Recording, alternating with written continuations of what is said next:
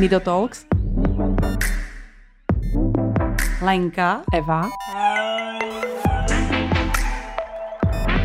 Potřeba mluvit. Potreba rozpráva.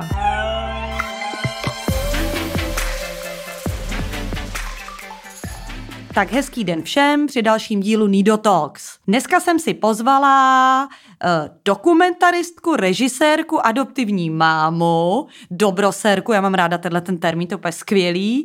Uh, jeden čas asi i uh, zakladatelku neziskovky, habloidku, LGBT plus podporovatelku a buddhistku. Tak, ahoj, Markéto, můžeme si tykat, to bylo totiž Uh, moje budu první. moc ráda. Super, tak já jsem Lenka. Tak Markéta, těší Ano, mě. podali jsme si ruce. Tak a je to, je to stvrzený. Tak, já jsem si uh, vlastně, my jsme vlastně neřekli Markétu Nešlehovou ještě a ty tam máš nějakou takovou ještě mezi tím? No, ale to je moje n, příjmení po, po mém současném manželovi. Aha, já To jsem není. si právě myslela, že je to nějaký, tak a to je Odyš, se to čte? Odfiš, odfiš. Odfiš. Ano, eh, je opravdu jméno Je teda. opravdu jméno, ano. Myslela jsem si taky, že to je Nick. Zdravím mého úžasného muže. A není. Je Ano. to skutečné příjmení, má to v občance a už si mě podepsal. Ano. Já jsem si totiž právě chvíli myslela, že to může být nějaké jméno, tak jak to mají jako něk, někdo jako čarodějky, nebo takový, jako že si dají jméno, kterým víc sedí. Že Markéta Ale- neseděla, no, tak jsem si dala jiný. Jo, tak jsem si dala odfiš, jo. Jo. jo. Takže, ale považuješ mě teda za čarodějku, dobře? No, chápu to to, jako- ano, ano, chápu to správně, ano, dobře. Ano, přesně tak. Za takovou tu dobrou čarodějku a dobroserku, teda, že já to mám tak ráda. No a jak se ti to takhle stalo, že vlastně tohle, tohle všechno dohromady mi docela dává smysl, teda musím hmm. říct. Z toho asi 90% máme jakoby hodně společného, hmm. proto nás taky vlastně dala eh, dohromady přítelkyně uh, mýho bráchy, protože jí přišlo, že jako by si to mohlo sedět a že by ten rozhovor mohl být fajn a uh, zajímavý. Takže máme hodně společného. Takže jak se ti to tak jako by stalo? Je zatím nějaký jakoby příběh, kdy se to, kdy se to jako vyvíjelo, ať už v pubertě, nebo, nebo to byl nějaký základní zlom vycestováním někam do ciziny, nebo je to povahový rys? Uh, já se, já si myslím, že jsou v tom kořeny. Já jsem, um, já jsem hlavně nepátrala a nepřepínala, jo. Já jsem prostě, já mám pocit, že se mi to tak jako stalo. Jako, uh, já jsem si vždycky jako už od, od mládí připadala malinka to jinačí a malinka to vyčleněná, no 70. léta, uh, velká zrzavá, dlouhovlasá, pak nakrátko ostříhaná, protože maminka uh, se s tím nechtěla crcat, že jo, každý ráno s těma vlasama. Ano. Eh, jak můj muž eh, hrozně rád říká, že se mu líbí moje první prsa ve třídě, což se mi stalo. A eh, já jsem eh, ne, netrhala mouchám křídla, když jsem byla malá. Mm-hmm. A nenafukovala jsem žáby a eh, měla jsem pocit, že jsem jediná. Mě to vlastně bolelo za ně. A vlastně jsem až později dorostla do informace, že to souvisí třeba s nějakou inklinací k, k filozofickému směru jménem buddhismus. Mm-hmm. Vždycky jsem pomáhala slabším. Eh, Vždycky jsem měla pocit, že eh, mají právo jako na důstojný eh, život ve třídě třeba, nebo ve škole, Jasně, nebo na ulici. jasně. A, Takže jste tam taky měli nějakého chudáka, kterýho jste trápili. A... je, kromě mě, Jo, jo. Kromě jasně. mě ještě byly, ještě byly nějaký možná ještě jako slabší kusy, než jsem byla já. Protože samozřejmě člověk, když je takhle jako divnej, tak bývá terč. A e, takže já jsem si, já jsem si starče v, v, v, v dětství vlastně, ne, že bych si udělala přednost, ale vlastně jsem se s tím naučila žít a mám pocit, že je to naprosto v pořádku. Já jsem do, jako dorostla do sebe. Ano. jako jo, jasně. A mně dokonce přijde, že v dospělosti se mi to zdá jako výhoda, teda nebejt jako ostatní. Přesně tak. Eh, Já si to teda jako nesmírně užívám. Jo. Teď mi moje dcera, eh, zrovna jsem jí vezla na Inter, eh, eh, studuje vyšší odbornou a střední zemědělskou školu v Benešově, obor chovatelství a jezdectví, mm-hmm. takže jezdectví a chovatelství koní. A přijeli jsme tam A všichni ty holky tam byly prostě úplně jako uh, neuvěřitelný, měli sebou ty velký kufry a teď měli sebou, já nevím, uh, jako maminky, tatínky a teď měli ty, teď měli jako ten proviant těch, těch zásob, jako těch šest dobrých vod a já nevím čeho všeho. A my, protože eh, v první řadě byl takzvaný adaptační pobyt a byl na tři dny, tak my jsme přijeli s jednou taškou. A Viktorky se vevnitř ptali, kde máš ostatní věci? A Viktorka říkala, jako, že teda nemá, že jako maminka je přiveze příště. A e, moje dcera Viktorka e, má dlouhý rasta copánky, má piercing v, v nose jako já, ano. E, přitom je jí 15 a je e, na polo afrického etnika. Hmm. Takže my jsme opravdu jako tam přijeli jako dvě naprostý exotky, ale vlastně e, zatímco moje maminka nechtěla, abych se vyčlenila zmiňovala, tak my jsme si to strašně s tou Viktorkou vlastně užili. Protože jsme říkali, no jo, my máme vždycky něco extra. Hmm, no jasně, takže už je to... Uh, uh, už může být vlastně, no, nebo je to hezký, že už je vychovávaná, takže je to vlastně jakoby plus, že Samozřejmě. jako ostatní. Samozřejmě. Jasně. Tak to je fajn, že se ta výchova jakoby mění. No ale ty jsi si do toho teda musela jako dorůst, jako já jsem si dorostla do vlastního nastavení, jako kdy jsem ho začala chápat. Já jsem to nejdřív jako hmm. tomu nerozuměla, respektive mě to trápilo. A e, někdy, nevím, prostě třeba v pubertě jsem najednou začala si uvědomovat e, takový ty jako věci, jak, jak, jak, jak tě vnímá okolí, který tě vnímá ne, zejména prostě podle prvního dojmu, hmm. podle nějakého jako výzoru a podobně, až teprve potom dál, jako nikdo se, v, když ti je 17, tak e, e, ne, ne, nevzkoumá tvoji duši, že jo. Ano. To možná později, jo, ale v 17 ne. A tak jsem najednou začala zjišťovat, že vlastně ten můj vzhled je výhodný já jsem to nějak si jako moc nepřipouštěla, já jsem vždycky byla taková, že jako tak co mě nezabije, to mě posílí a prostě vždycky jsem si musela to místo na slunci malinka to vybojovat, takže já jsem jako na to úplně nedbala, já jsem nikdy nebyla ta maminčina, ta tatínková holčička, která by jako eh, věděla, že je princezna, že prostě všichni kolem ní budou skákat a vlastně si to jako užívala, ale čas od času, eh, a nebylo to moje téma, já jsem prostě tak jako šla životem a prostě jsem si to, to tak jako samo. jako ušlo to samo, hmm. ale začala jsem si jako uvědomovat, pokud mi to jako docvaklo v té době, že vlastně i ten vzhled je jako výhodný. Hmm. Že nebejt jako ostatní e, znamená pro někoho být krásná hmm. e, a vlastně jako pak se to začalo nějakým způsobem spasovávat i s tím, co jsem cítila. Že jako jsem... E, já nevím, jak bych to řekla, ono to jako postupně, jako kdyby se složily všechny pucle dohromady, jo. Hmm. Že někdy jako ten obraz je vidět jenom v obrysech, pak se někde jako objeví kus, kus nějakého vnitřního obrázku a ono se to někdy jako by v té dospělosti, třeba po té pubertě, po, po, po tom 18. 18. roku nebo v, v, když mi bylo po, přes 20, tak se to jako doskládalo nějaký hmm. obrázek hmm. ještě a možná, že byl ještě v té době černobílej hmm. a pak ještě získal barvy. barvy. Hmm. A ty jsi už byla v tu dobu v nějakém jako tvůrčím prostředí, protože teď jsi teda režisérka, ano. to znamená, že už to byla nějaká škola vybraná, která... Jo, eh, byla, já ano. jsem si teda musím říct, že uh, já jsem to nikde neříkala, až teprve teďka, když už mi je dost, tak si to můžu troufnout říct. Já jsem uh, chtěla jít studovat v FAMu. Ano. Ale uh, přes právě díky tomu, jak člověk jako vyrůstá a ne, nemá tu podporu jako uh, toho okolí, protože prostě hold taková byla doba, E, a já jsem nepocházela z žádného extra kreativního prostředí, hmm. tak já jsem si netroufla na tu famu. Já jsem vlastně jako uh, nebyla, ne, jo, to, to, to spíš než, než hele, můžeš být kým, kým chceš, stačí ano. zatím mít a prostě jako udělat pro to maximum a ono se to poskládá, což je vlastně jako můj princip. Ano. Tak princip mý maminky a mýho, mýho tatínka byl uh, no ty tam na tebe čekají. Jo. Jo. jo, jo. Já to přeho- přeháním, jo, jo ale vlastně ale... jako záměrně, hmm. abych jako ukázala jako černou bílou, ano. jo. A takže spíš to byla tady tahle cesta hmm. a já tím pádem jsem vlastně jako si říkala, tak jako kurník, tak co, jako eh, popelář, to už mi nestačí, že jo, hmm. to jsem chtěla být v dětství. Zdravotní sestřička, to jako už taky ne, jako pomáhací hmm. profese.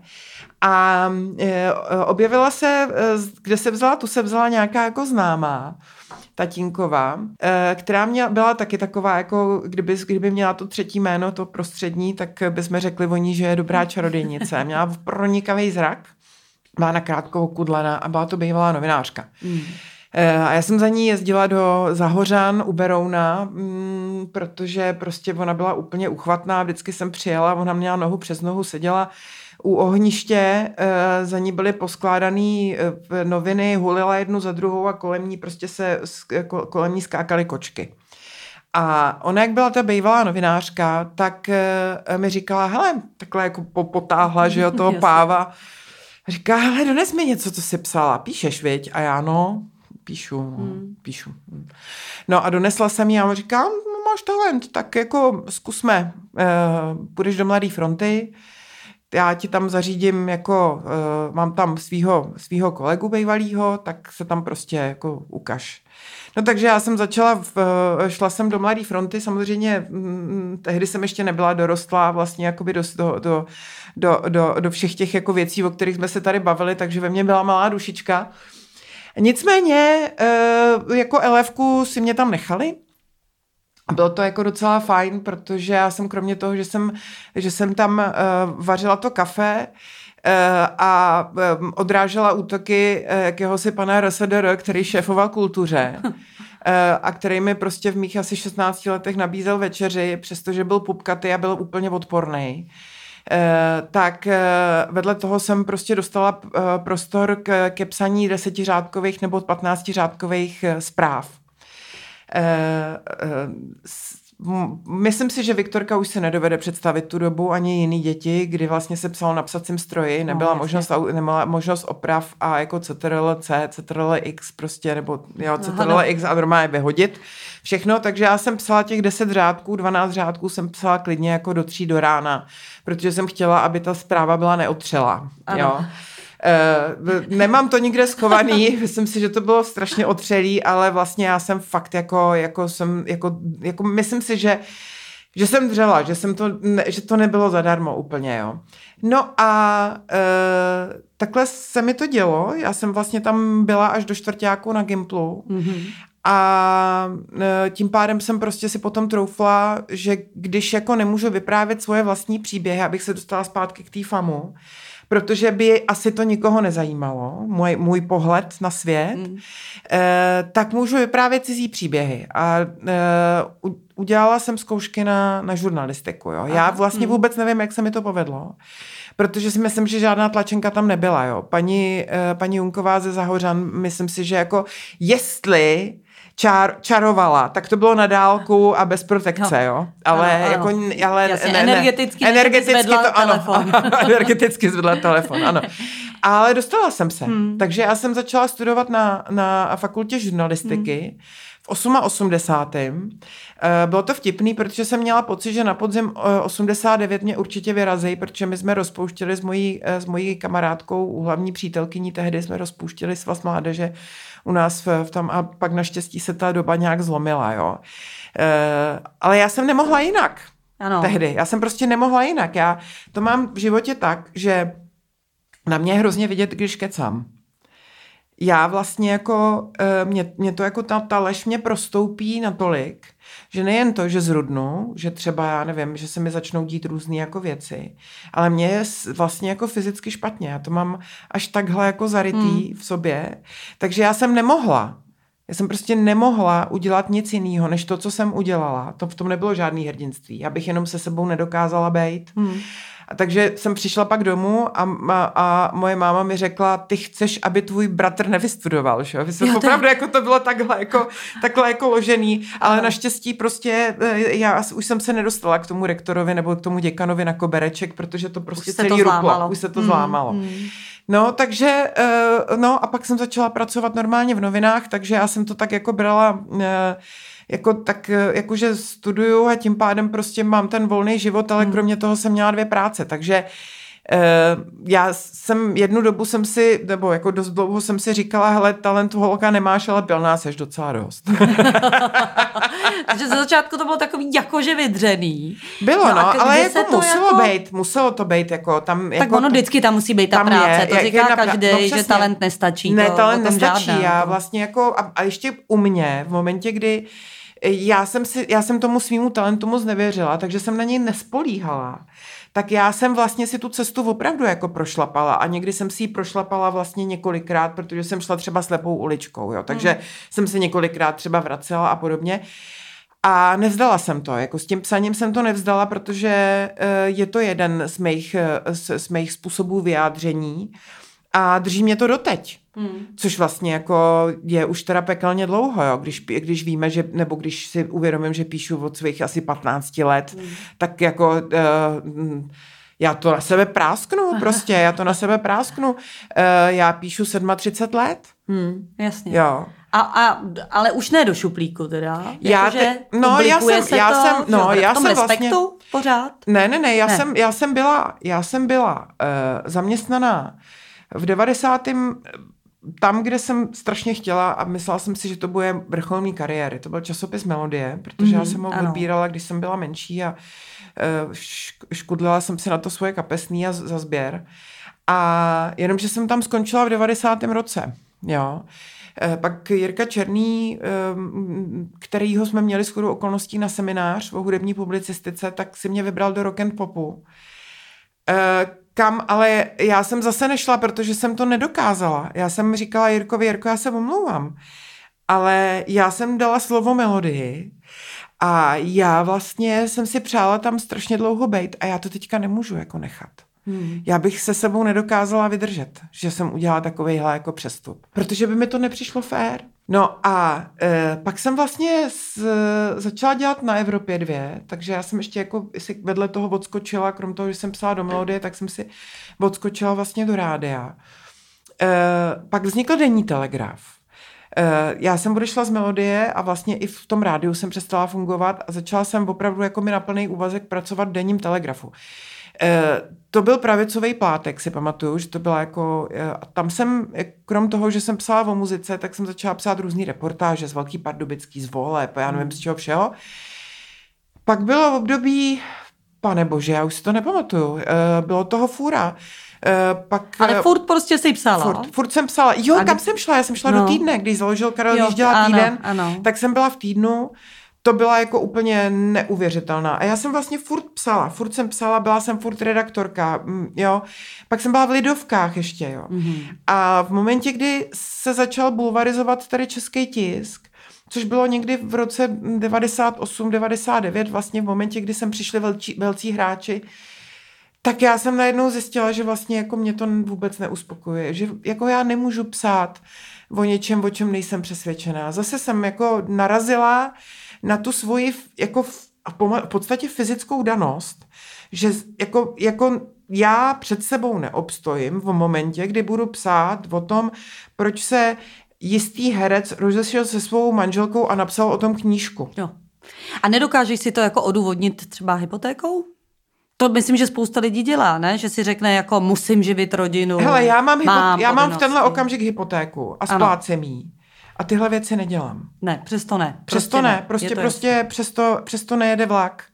Já jsem to, uh, musím říct, že i ve své kariéře, pokud jde o režii, jsem to zkusila párkrát a jako poznamenalo mě to jako až skoro jako opravdu fyzicky. Já to takhle, já možná jsem asi, možná kdyby to poslouchal nějaký psychiatr nebo, nebo někdo, někdo takovej, jako který se zabývá psychikou, hmm. tak tak mě pojmenuje jako, jako, že to mám jako diagnózu, jo. Hmm. A já ale nevím, co to je.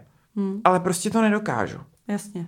Jo. No a kdy se tam teda uh, vynořila ta, ta režie a, mm. a tyhle ty věci? Uh, no, já jsem si vlastně do 99.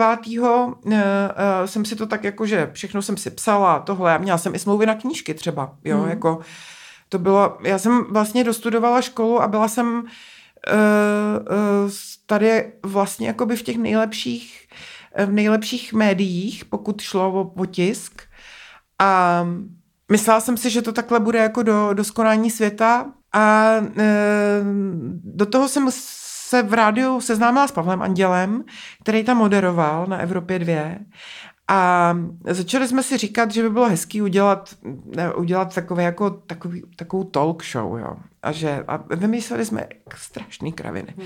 Z dnešního pohledu, když vím, jak funguje eh, tenhle průmysl, jak funguje televize, tak vím, že prostě jsme, že, že, že jsme byli jako totál jako bizarní dvojka, jo, která vymýšlela nějaký jako opravdu kraviny. E, nicméně e, Pavlovi se vyplatilo jeho jméno a Honza Kratochvíl, tehdejší dramaturg české televize, si ho vybral, protože prostě mu přišlo, že jako někdo, když se jmenuje Anděl, takže to bude jako super. Jo. A ono bylo. A ono bylo. A Pavel v 99. nastoupil vlastně do televize a začal dělat Noc s Andělem. Já jsem v té době ještě pracovala v Lidovkách a vlastně jsem jako, ale už byla rozhodnutá, že musím odejít. Hmm. A nevěděla jsem kam a najednou se prostě stalo, že mi Pavel volá a říká, pojď, pojď se mnou. Budeš dělat muziku. Říká, fajn, tak jo. Takže já jsem šla někdy v květnu 99, vlastně po, po čtyřech, pěti měsících vysílání e, Noci s Andělem do týmu. No a e, takže jsem vlastně jako poprvé se nadechla, já jsem nikdy na těch kavčích horách nebyla, že jo, takže já prostě zase jako jsem byla úplně u vytržení. Ty jo, kavčí hory, ty jo, já mám průkazku, ty jo, jako, já byla jsem hrozně jako, z toho, jako nadšená tím, co vlastně můžu dělat celý prázdniny jsem tvořila uh, uh, archiv hudebních videoklipů pro českou televizi. Takže jsem, takže jsem opravdu jako objížděla všechny hudební vydavatelství, nakladat, vydavatelství a vozila jsem si ty kazety s těma videoklipama, prostě celý archivy jsem, no já nevím, kolik jsme těch klipů měli strašně. No a Pamatuju si, že jednoho krásného dne, protože se točily takové jako medailonky do těch, do těch nocí s andělem, jednoho krásného dne za mnou přišel pan produ, produkční Petr Herák, šéf produkce, a říká, hele, prosím tě, nám vypadl, nám vypadla redaktorka na natáčení eh, medailonku o Zuzaně Michnový. Mohla by si, prosím tě, jako zvládla bys to? A já, bo já jsem, jako by se ve mně krve nedořezal. A říká jsem, tak jo. A já jsem se teda připravila totálně na Zuzanu Michnovou.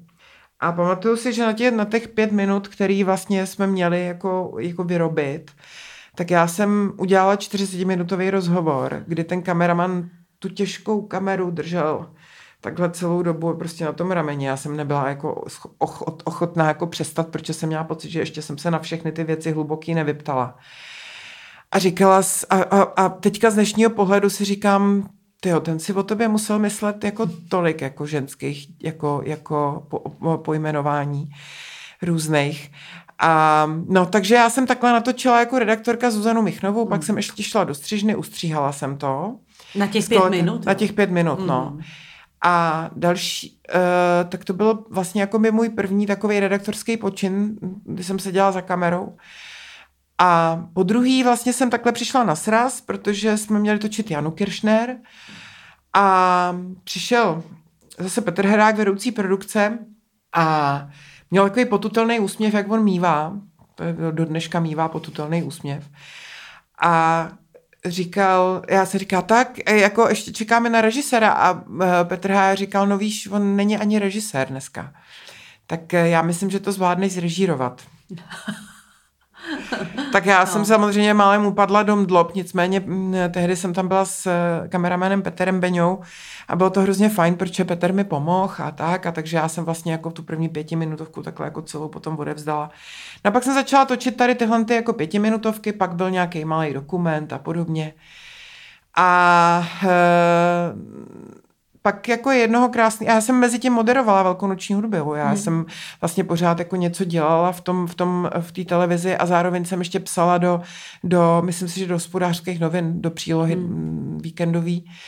A e, takhle to jako šlo furt a pak jednoho krásného dne, protože jsme točili různě nějaký mikromedailonky, třeba jako divokýho byla, který v ten okamžik zrovna začínal a já jsem s tím, těma klukama dělala i rozhovory různý a podobně a přišel za mnou tehdy manažer kapely a říká, Markéto, prosím tě, my nikoho neznáme v televizi. Známe tebe, jsi fajn a my bychom chtěli natočit DVDčko koncertní. Kluci budou dělat poprvé Lucernu, eh, tak jako myslíš, že bys to jako dokázala nějak jako prosadit v televizi a tohle? A já jsem říkala, hele, já to zkusím. Takže já, já jsem šla prostě a začala jsem vyjednávat jako pozici pro to, aby jako kapela Divoký byl mohla natočit eh, koncert pro českou televizi, který by potom zároveň vydala na DVDčku.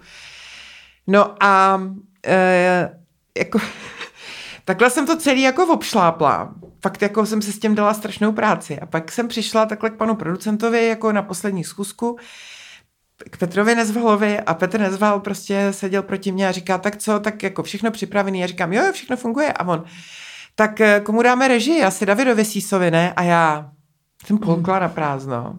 A teď jsem věděla, že buď to sklopím uši a nikdy nic už nebude, a nebo prostě budu hrát bank a řeknu, hele, já to jako, já to zvládnu. A, řík, a takže já jsem, prostě. udělám to. Hmm.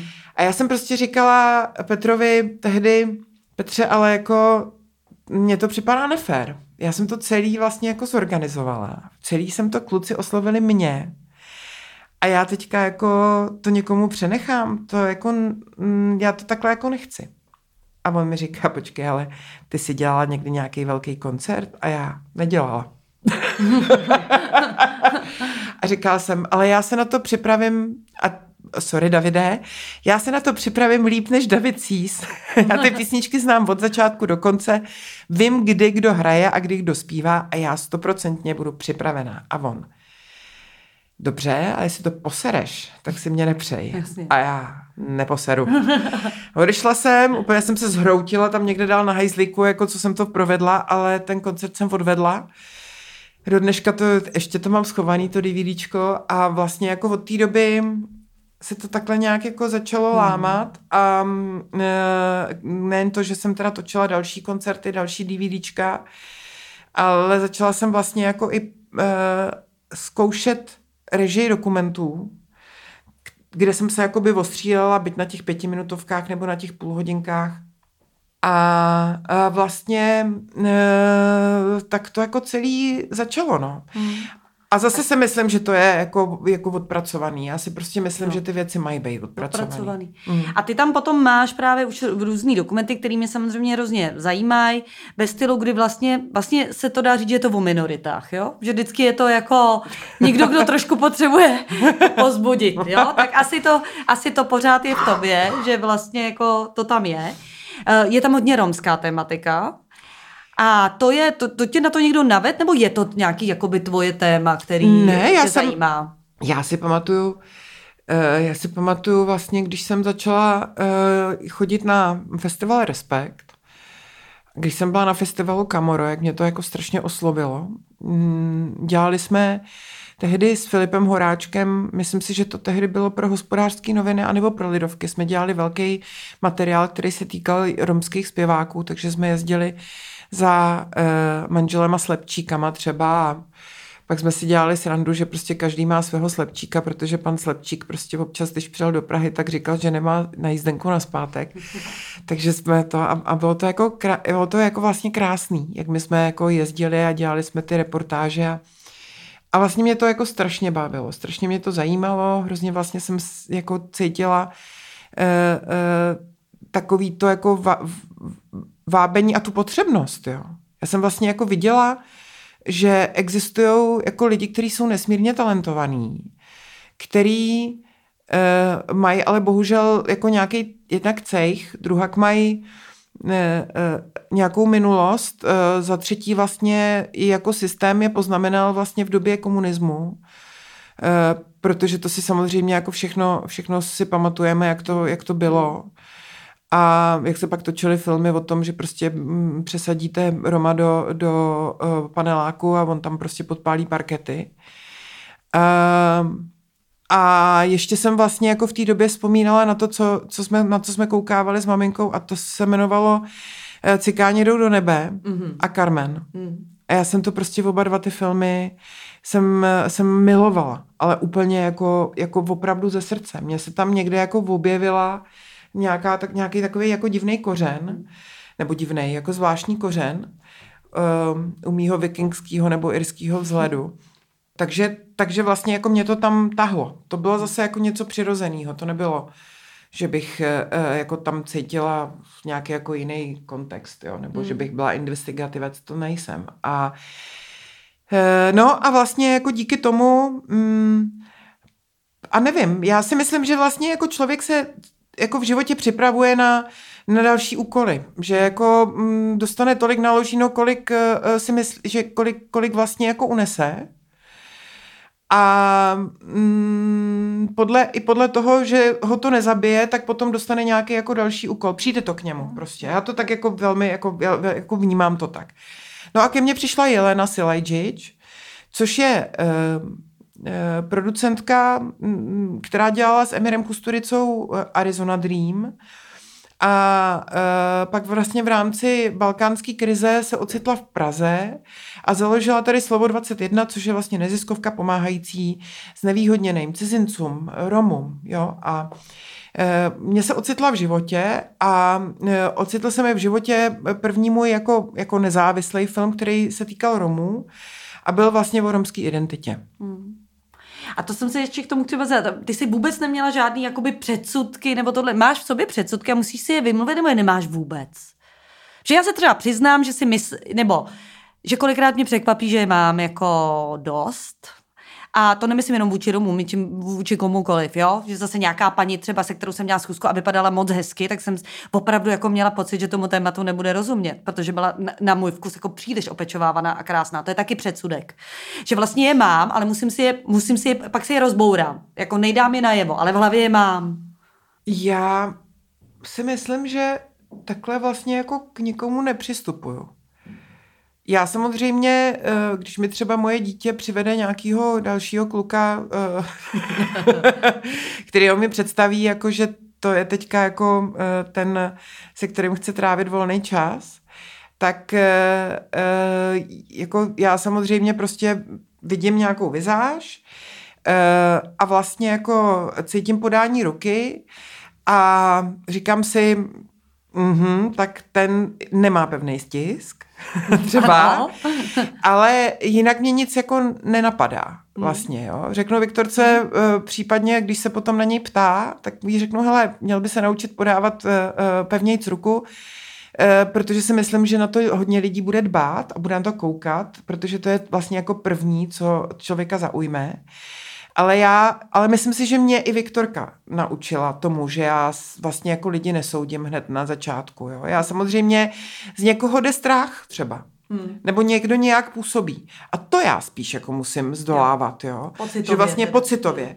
Ale že bych rovnou si řekla uh, uh, něco jako... Um, a nebo možná jo, já nevím. Já vlastně jako spíš jako si mysl, spíš jako na to nekoukám jako na téma. Na, moje téma je, když prostě se s někým potkám, tak uh, jako um, a on mě třeba osloví, nebo já musím za nějakým účelem oslovit jeho, tak vlastně mě zajímá spíš jako, jako to, to, co mi přinese vlastně ten rozhovor. Hmm.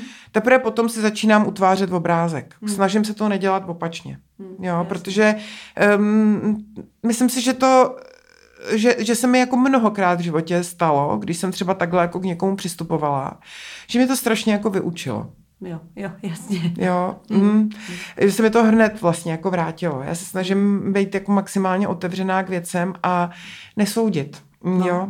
No, no hmm. právě. Uh, no, proto to říkám. Ono to, někdo to má v sobě a někdo se to musí trochu učit, protože do nás přece jenom něco vtloukali.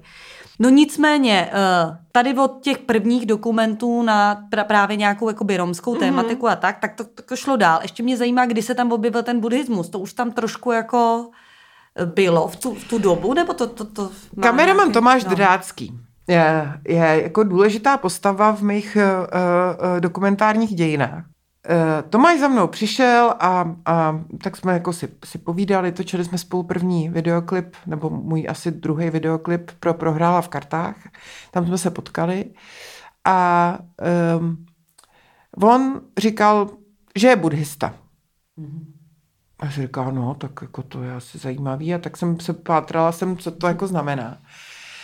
A uh, myslím si, že strýček Google tehdy, jo. No protože já jsem mm, nějak jako jsem ne, jako neměla jsem žádnou jako extra představu a ani vlastně taky, jak, jak říkám, nějaké věci jsou v životě moje téma, do některých musím dorůst.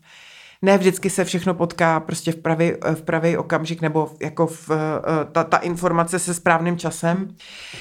A takže uh, jsem si googlila a najednou mi došlo, co se mi dělo v tom dětství. Najednou mi došlo, uh, co jsem jako vlastně zač. Najednou mi došlo, proč já se vcituju. Jako jak, jako, jak se to dá pojmenovat. Protože do té doby jsem měla pocit jenom, že jsem jako, jako solitér. Hm, to se mě můj muž ptal, jestli to je ta karetní hra. A když se ze mě dělal srandu. A, eh, a najednou mi to jako, najednou jsem to měla pojmenovaný. No a tak já jsem si začala různě studovat, pak mě Tomáš vzal do uh, takového jako buddhistického centra.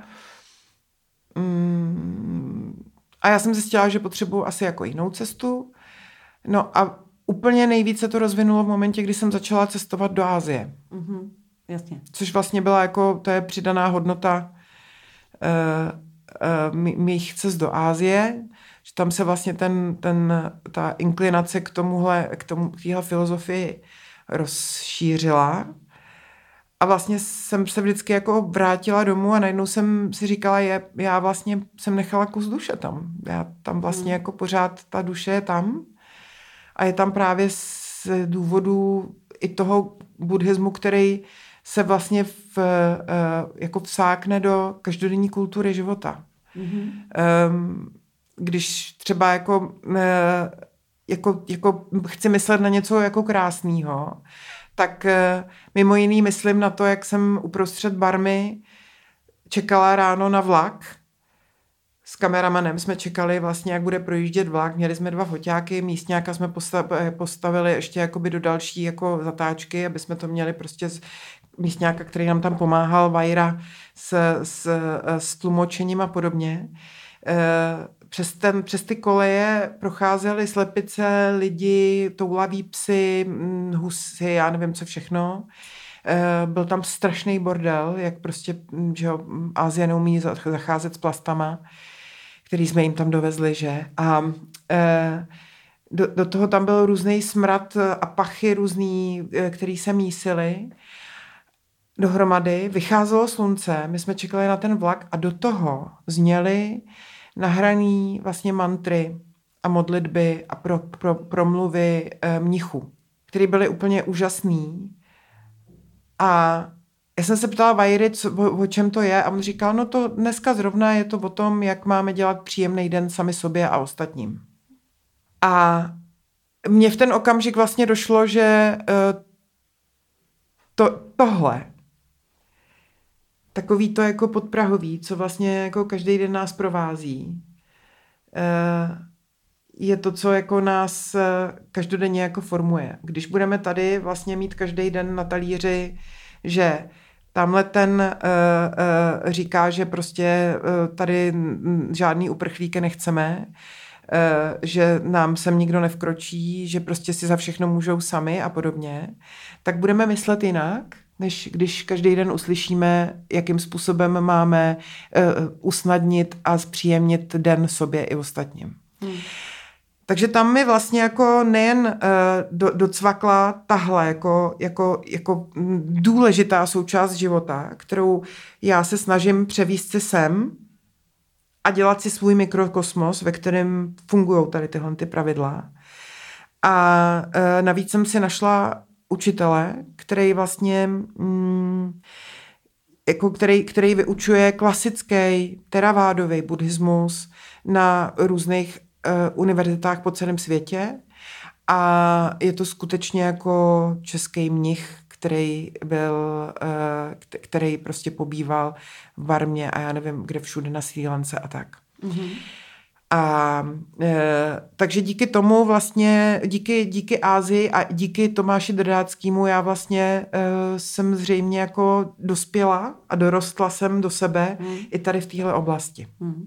A projevuje se to nějak i jakoby v tom praktickém životě, jako ve stylu, že nevím, neslavíš Vánoce třeba, nebo já nevím. Tak ne, ne, ne, to ne, to ne, to ne, ne. Já si hlavně je myslím, je to, je, je to filozofie. Hmm. No projevuje se to v praktickém životě tak, že pokud třeba zrovna nerekonstruju barák, kde trávím každý večer, tak prostě každý večer medituju. Mm-hmm, jasně. Mám prostě mantry, který, eh, který eh, si odříkávám a vlastně eh, medituju na dech a vlastně snažím se jako rozvíjet, rozvíjet svoji mysl a rozvíjet všechny vlastnosti, který, který jako bych si přála rozvíjet. To mhm. znamená trpělivost, znamená nelpění, znamená prostě soucit, znamená jako další takovýhle jako ty kvality mm-hmm, jak bych řekla, jasně. Eh, který jsou, který jsou pro mě podstatný a ráda bych je jako cizelovala. Mm-hmm. No a když překročím, nebo pokročíme vlastně za sebe jakoby dál, tak ty si tam vlastně eh, točila teda, uh, začala si točit ty dokumenty a pak si tam měla i dokument, který mě připadal hodně zajímavý a možná i pro tebe osobní, který byl vlastně o adopci. a to bylo, že nejdřív předtím nebo potom? Jako, jak, to, jak to vlastně v tom životě zase jako nějak přišlo? Tadyhle, tenhle ten... Přišlo to správně asi, jak to mělo přijít, jak se říká? Já jsem ten dokument točila, když už mi přišla do života Viktorka, mm. samozřejmě. Ale uh, ten dokument si mě našel. Zase to je, uh, zase to souvisí s nějakou cestou, která, kterou jsem si prošlápla. A ta cesta uh, se jmenuje Kambodža a, a, a cesta vlastně k pomoci Kambodži. Já jsem v roce 2012 uh, jsem, jsem odjela do Kambodži, trvalo mi prostě asi dva roky, než jsem to připravila, tu cestu. A to bylo Měla pracovně jsem, nebo osobně? To bylo to pracovně, mm-hmm. uh, protože jsem zjistila při svém prvním pobytu, že bych tam mohla rozdat se, i ledvinu, bych tam mohla darovat a játra a já nevím co všechno a furt bych té zemi nepomohla. Jo, než kvůli dát do ruky dolar dítěti pětiletýmu, eh, možná znamená to, že nedostane, ne, nebude doma seket smazet, že nic nepřines, ale jako nepomůže mu to v budoucnosti, jo. Mm, ano. Nenaučím ho lovit ryby, jo. Takže jsem si řekla, že bych hrozně ráda pomohla té zemi nějak systémově. No a um, potkala jsem se s Olgou Menslovou, která dělá ty velkoplošné výstavy, že jo, a, a já jsem prostě měla z malého fotáčku, jsem měla fotky, které byly maximálně jako A4. A říká, hele, jako dobrý, ale tak jako do rokáče. Pokud hmm. chceš prostě, to můžeš takhle udělat, ty jsi to tak jako vysněla, ale když už něco takového děláš, tak to pojď udělat veliký. Tak já jsem dva roky vymýšlela akci, která se pak odehrála právě, já jsem tam ještě jela točit dokument, uh, takže zároveň vedle toho jsem natočila dokument o, o části Kambodži a do toho jsem prostě měla fot, fotosession s dětma ve slamech a různě jako takových jako v džungli, který z nějakého důvodu nemohli chodit do školy a byli součástí nějakých českých programů nebo českých eh, eh, podpor, který v té zemi fungovaly v té době. Takže to byla Charita a byla to JHP škola, což jsou vlastně skauti, kteří postavili eh, takový odborný učiliště eh, v Kambodži vedle Siem Reapu. No a takže já jsem vlastně udělala tady tuhle tu výstavu, Eh, byla měsíc na pěší zóně v Praze, na těch velkých panelech, mm-hmm. dražilo se, dražili se fotoplátna v Roxy. Bylo to jako fakt jako hezký. Vybrali se peníze, takže ty děti vlastně dostali ty brejličky, aby mohly chodit do školy, dostali to kolo, aby se do té školy vůbec mohli dopravit, eh, dostali peníze asi na uniformy a tak. Jo. Takže vlastně jako všechno to bylo takový jako za mě v pohodě. A díky tomu se na mě obrátila paní, která v té době hledala svoji zřejmě existující příbuznou neteř, Aha. vzdálenou neteř mm-hmm. v Kambodži a potřebovala se díky tomu nebo kvůli tomu dostat ke králi. A posla, napsala mi na Facebook a mě to spadlo vlastně ta zpráva do spamu, do takového toho jako jo, nevyžádaná jo, jo. pošta. Ano, ano. A já jsem ji objevila asi po dvou letech, tu zprávu. A tak jsem té paní napsala a psala jsem mi, že mi to je hrozně jako líto, ale že vlastně ke králi se člověk nedostane, protože král se mezi tím stal králem a zatímco když byl princ, tak uh, tehdy vlastně ještě jako přijímal český delegace, ale že teďka jako už to není možný, že to fakt jako nezařídí nikdo. A Veda Budha. a že teda tím pádem jako se omlouvám, ale jak to teda dopadlo? A ona mi řekla, ať se podívám, eh, pak jsme si telefonovali a ona mi řekla, ať se podívám prostě na stránku, kterou založila o tady tyhle tom hledání tý, tý eh, vzdálený neteře a vlastně jako jak to celé dopadlo. No a prostě znělo to jak pohádka. A já jsem se potom za tou Tamarou a za tou Jarkou, která dostala vlastně jakoby český jméno, jsem se vypravila a tu cestu, uh, oni jsou skromněří, že když jsem měla zpátky, jak jsem probrečela. Protože to byl tak silný příběh a říkala jsem, já to prostě musím natočit. To jako není možný. No, trvalo mi to asi tři roky. Já nevím, kdy ten, kdy ten projekt byl 2017, podle mýho jako byl v televizi.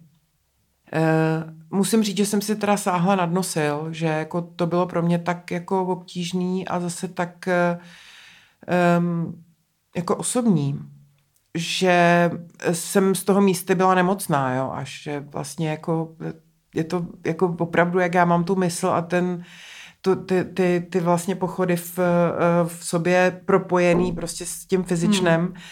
je až vlastně jako neuvěřitelný.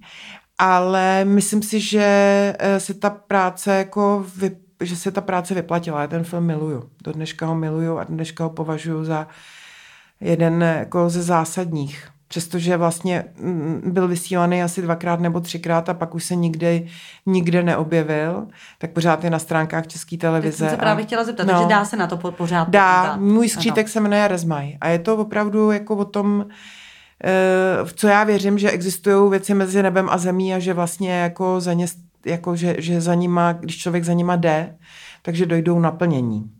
Skutečně. Hmm. Hmm. Hmm. Hmm. Hezký.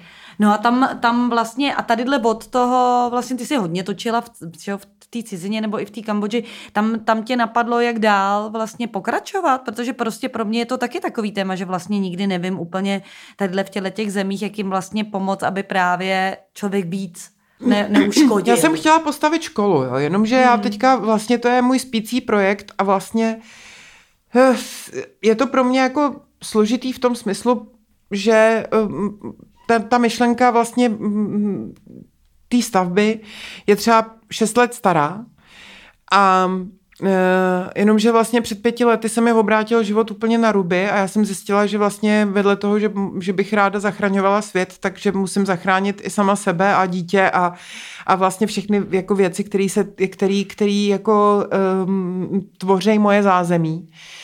Uh, já jsem vlastně během posledních pěti let prodělala jako, jako výrazný proměny ve všech směrech uh, svýho života, uh, za který jsem teda nesmírně vděčná. Jo? Jsem vděčná za nový život, který v tenhle okamžik mám. A samozřejmě prostě v momentě, kdy jako se zhroutí vztah, zhroutí se prostě jako dítě, dítě eh, eh, to nemůže unést, to znamená vlastně jako zhroutí se dítě, vy se zhroutíte, zhroutí se vám práce, zhroutí se vám jistota bydlení, eh, odejdou vám oba dva rodiče postupně, tak jako to s váma samozřejmě pořádně otřese, jo.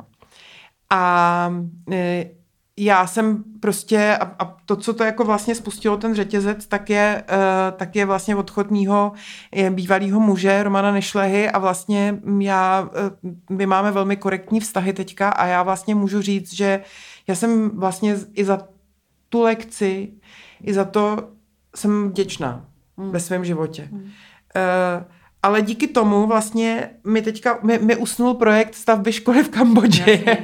ale nevadí. Je to o té kyslíkový masce, že musíš ji teď nasadit sobě. Přesně tak, tak přesně tak. Ale já si pořád říkám, že ještě furt mám sílu že ještě pořád jsem schopná vlastně ty věci dotáhnout, jako do, dotahovat do konce a že když, se, když zase napnu síly, tak eh, že se ty věci zase správně poskládají. Akorát, mm. že já teďka napínám síly ne, úplně někam jinam, eh, třeba na dostavbu nebo na rekonstrukci domu, který jsem právě zjedila po rodičích a e, na, na vlastně jakoby na oprašování e, svého muže a mý dcery hmm. a oprašování sebe sama samozřejmě. Ano, jo. Ano. To jsem se taky naučila. My tady o tom strašně moc hovoříme, protože ty rodiče, který mají děti s postižením, strašně často zapomínají na sebe. Upnou hmm. vlastně ty síly na péči o, o toho jedince a zapomínají na sebe, takže my tady o tom, o péči o sebe sama a o tom uh, že není žádná vostuda to dítě nechat si pohlídat a je třeba sám na dovolenou. To ty, ty rodiče hrozně prožívají, že to je nějaká jakoby špatná věc. Jo, to Ale je... já mám pocit, že prostě eh,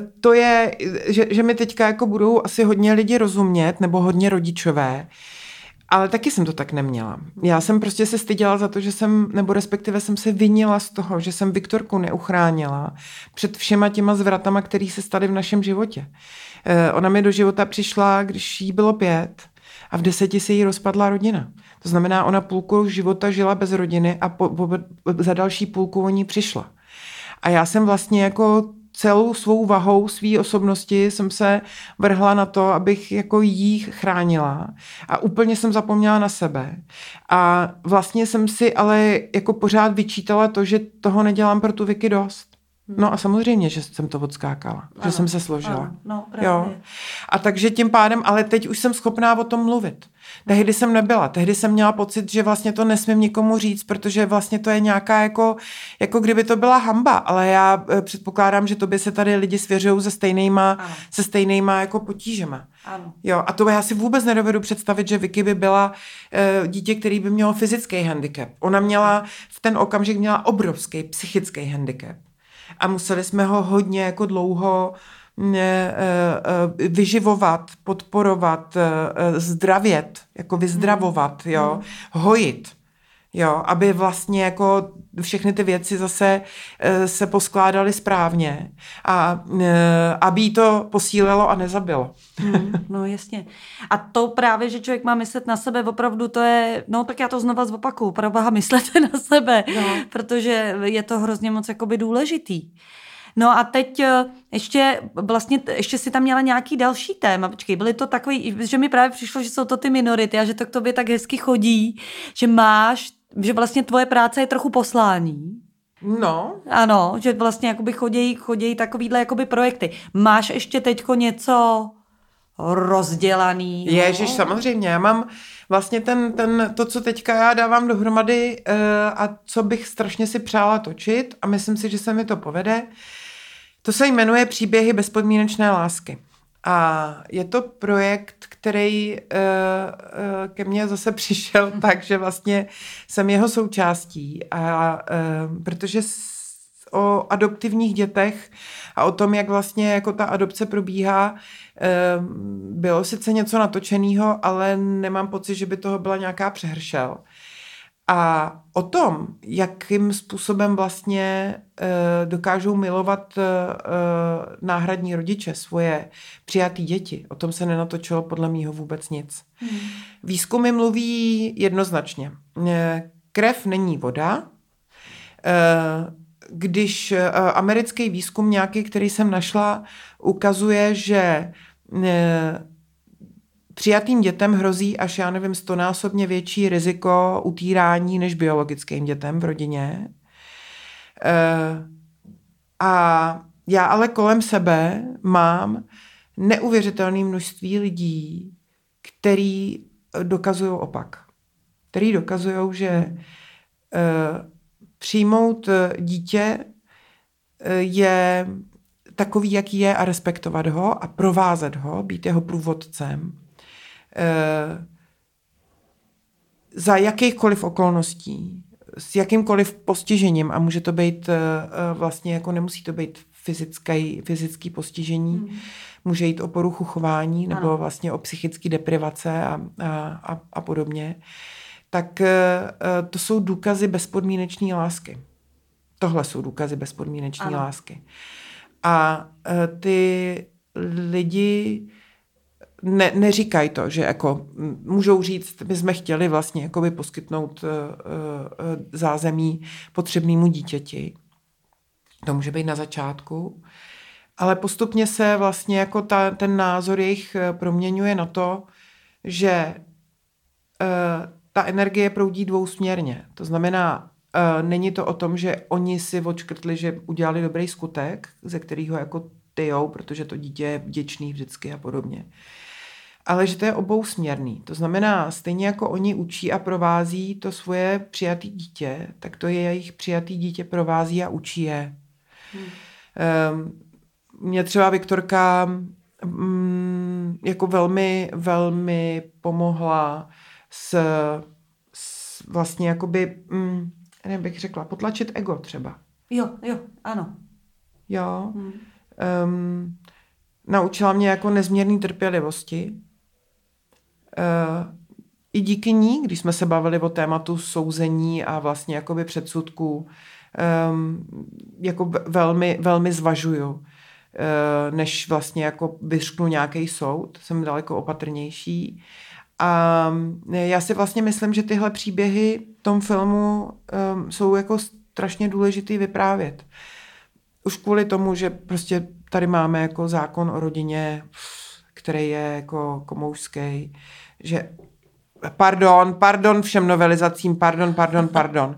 Já jsem vlastně e, jako, mm, přiznám se, skromně, ve vší skromnosti a bez ega, mm. přiznám se, že jsem prostě autorkou um, autorkou sloganu 8000 důvodů, nebo jakoby názvu té kampaně a plus prostě 8, v dětských domovech je 8000 dětí, to znamená 8000 důvodů, proč tam nebýt. Hmm.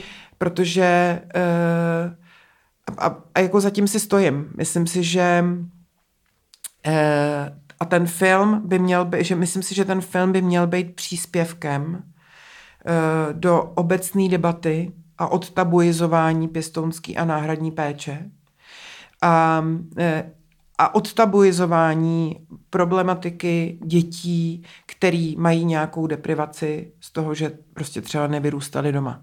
To znamená na jedné straně říct a pojmenovat, ano, děti, které přijdou do rodiny, si nosí sebou svůj batůžek problémů, a batužek stezků, strastí a bolestí a postupně ho začnou vybalovat na ty svoje náhradní rodiče. Ano.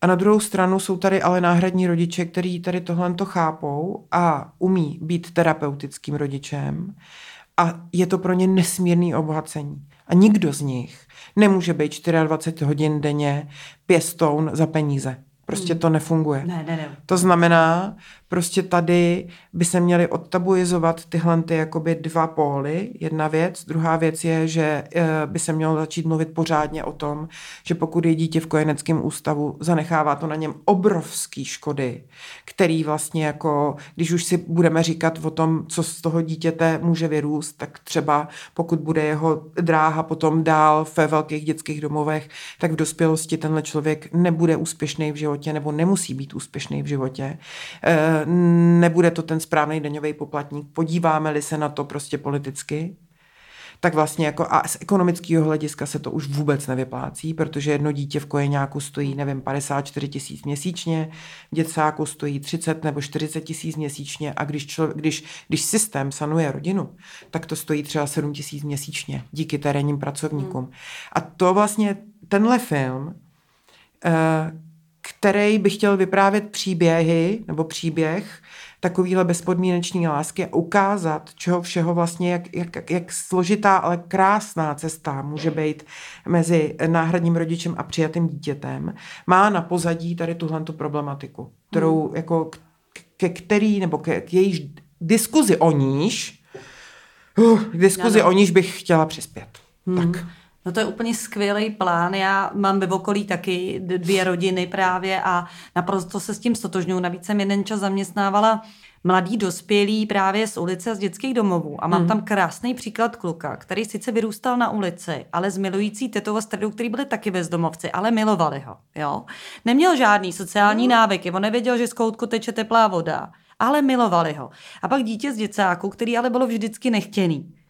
A e, když se dneska podíváme na ty dva dospělí muže, tak ten první má rodinu, je velmi jakoby v hezkým vztahu, umí mít rád, umí prostě všechno, on se naučil s tou teplou vodou, ale vlastně mu nechyběla ta láska. A ten druhý, který v tom děcáku, což je moc hezký tam dětský domov, ale dostávali dost peněz a, a telefony a nevím co, ale tím, že ho nikdy nikdo neměl úplně rád, tak uh, je na velmi špatné cestě a moc se o něj bojím. Nedávno jsem ho viděla a myslím, že tam už se jedná o tvrdý drogy, je to jako špatný. Jo. A, a, ale jako oba dva ty kluci byli uh, jak, jako stejný, takový ty, ty jako říkali si bro a, a, a vlastně tak, ale bylo vidět prostě, že ten základ toho, jako obejmutí prostě na začátku, nebo i v průběhu vlastně jakoby toho dětství je úplně naprosto teda jako zásadní, no. no. Jako úplně no. nejvíc. Takže no. úplně se s tím stotožňuju a, a, a to a určitě takovejhle dokument uh, by hrozně pomohl napravit trošku takový to jeden často tady trošku tak vypadalo, sice se točily upřímné filmy, zkušenosti určitých lidí, ale trošku to udělal takový ten obrázek, že když si někdo adoptuje dítě, eh, zvlášť romský národnosti, tak ono ho v 15 vykrade a, a půjde kočovat. Jo? Že to tak trošku jako tak možné, ano, je třeba napravit to. Neříkám, že se to nemůže stát, Ježíš Maria, ale jako, že eh, to tak chvíli vypadalo, že to je spíš jako takový ano, odrazující ano, ano, ano, ano, ano, moment. Ano, no. no. Ale já myslím, že ty si měla ještě na mysli navíc Uh, film, který bych ráda točila o Building Bridges, což mm-hmm. je mhm. vlastně vězenský ano. film. Ano, to, ano, to, no, jo. no, no, no, no, no. Uh, já jsem se zúčastnila tady tohoto toho úžasného projektu, který vlastně u nás rozjela Gábina Kabátová, uh, kdy ona v rámci Mezinárodního vězenského společenství vlastně přinesla do České republiky projekt tento, který se týká takzvané restaurativní justice, což znamená taková ta jako ne, že prostě zavřu tě až černáš a prostě a, a pak, tě, pak tě pustím a ty už si nebudeš vědět rady se životem, ale e, zavřu tě a pomůžu ti s tím vlastně najít e, zodpovědnost. Jo, zajít, najít hmm. zodpovědnost hmm. za, ten, za ten tvůj čin. Building Bridges je e, super projekt který se netýká samozřejmě naprosté většiny vězňů. Týká se jako vězňů, kteří už jsou ochotní přiznat svoji vinu a jsou schopní vlastně na ní nahlížet tak, že ji chtějí napravit. Tak to, se, to je na jedné straně. A na druhé straně se týká takzvaných obětí. E, nejsou spárovaný. Jo. E, říkám, že prostě není to o tom, že mě někdo okrad a toho já si najdu ve věznici a pak s ním něco řeším. Ne. Eh, ty, ty oběti můžou být jak, jako jakýkoliv. Jde jenom o to, že vlastně oba dva tábory by se měly chtít potkat. To znamená, na jedné straně vězňů probíhá vlastně náročný proces výběru a na druhé straně vlastně těch obětí zase probíhá ne, že nějaké jako tam jsou přizváni, vlastně mají i psychologa a podobně, je tam nějaké jakoby setkávání, kde se jako vysvětlují pravidla hry, co a jak se bude dít vlastně v rámci těch seancí společných. Já jsem to absolvovala loni, to znamená, že to bylo jenom online, takže já jsem vlastně s vinařickýma vězněma hmm. eh, komunikovala vlastně jako by po, přes, po, kameru. Přes, přes kameru a vlastně stejně jako hmm. těch, já nevím, na jedné straně osm vězňů, na druhé straně osm lidí jakoby obětí.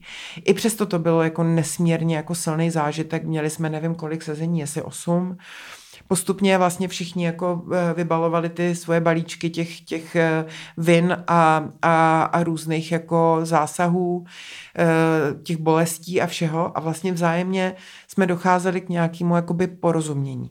S tím, že já zase, když jsme se bavili o těch předsudcích, tak já vlastně jsem do toho projektu nešla s tím, že bych chtěla poznat prostě jako jak, a chtěla bych se podívat, hej, jako tak to jsem na tebe zvědavá, jako jo. jestli ty už si našel tu cestu, ano. jako jestli už si jako, jestli ty to chceš odčinit. Ne, ne, já mám prostě dojem, že jako mě, do vězení se může dostat vlastně jako kdokoliv.